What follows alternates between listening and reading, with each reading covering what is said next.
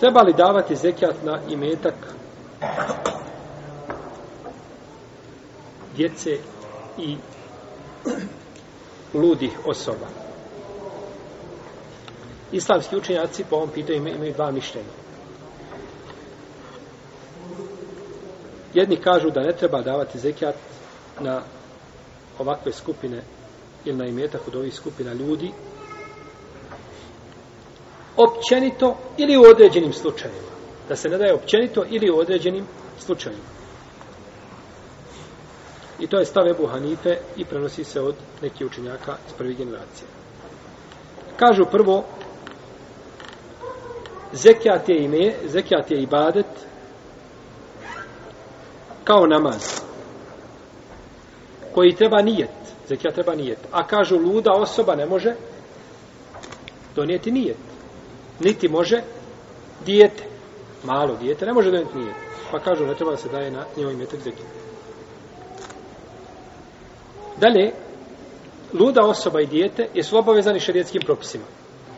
Nisu. Nisu obavezani. Pa nisu dužo da daju ni zekijat. Dalje, zekijat je čišćenje od grijeha.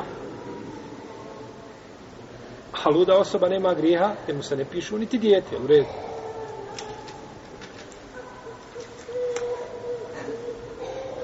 I dalje, čuvanje imetka, odnosno davanje zekijata na imetak malog djeteta i lude osobe, čuva imetak.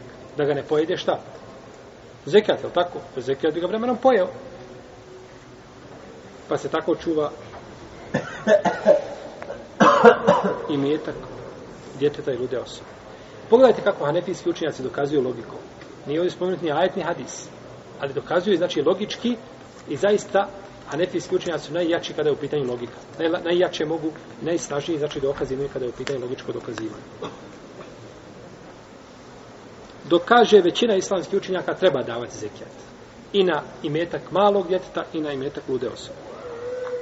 I to je stav Omara i Alije, i Abdullaha ibn Omara i Ajše, i Džabir ibn Abdullaha, i ne znamo da je od ashaba neko kazao suprotno njima.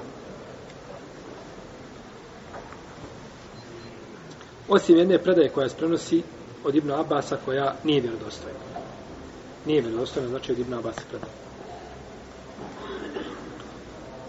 Ovi učenjaci ili džumuru Leme dokazuje prvo općim naredbama koje obavezuje na davanje zekijata. Jer u redu. Jer u ajetu spomenuto, osim djeteta i ludog, nije. Nego se naređuje šta davanje zekijata. Naređuje se davanje zekijata. Dalje, Omer radi Allah, on je rekao,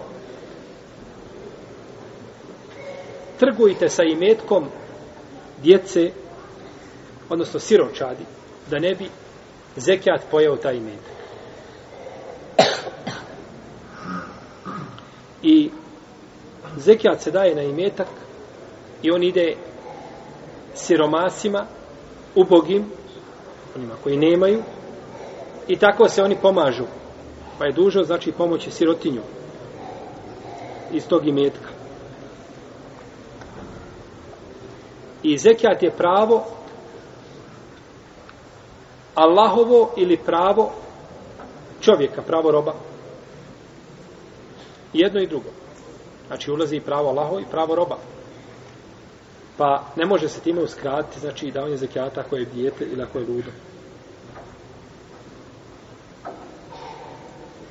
Tako da ispravo mišljenje da treba davati zekijat na imetak djeteta i na imetak a, lude osobe. A šta je lijek za to? Lijek je ono što je rekao Omar radijallahu anhu da se trguje tim imetkom. Da se trguje tim imetkom.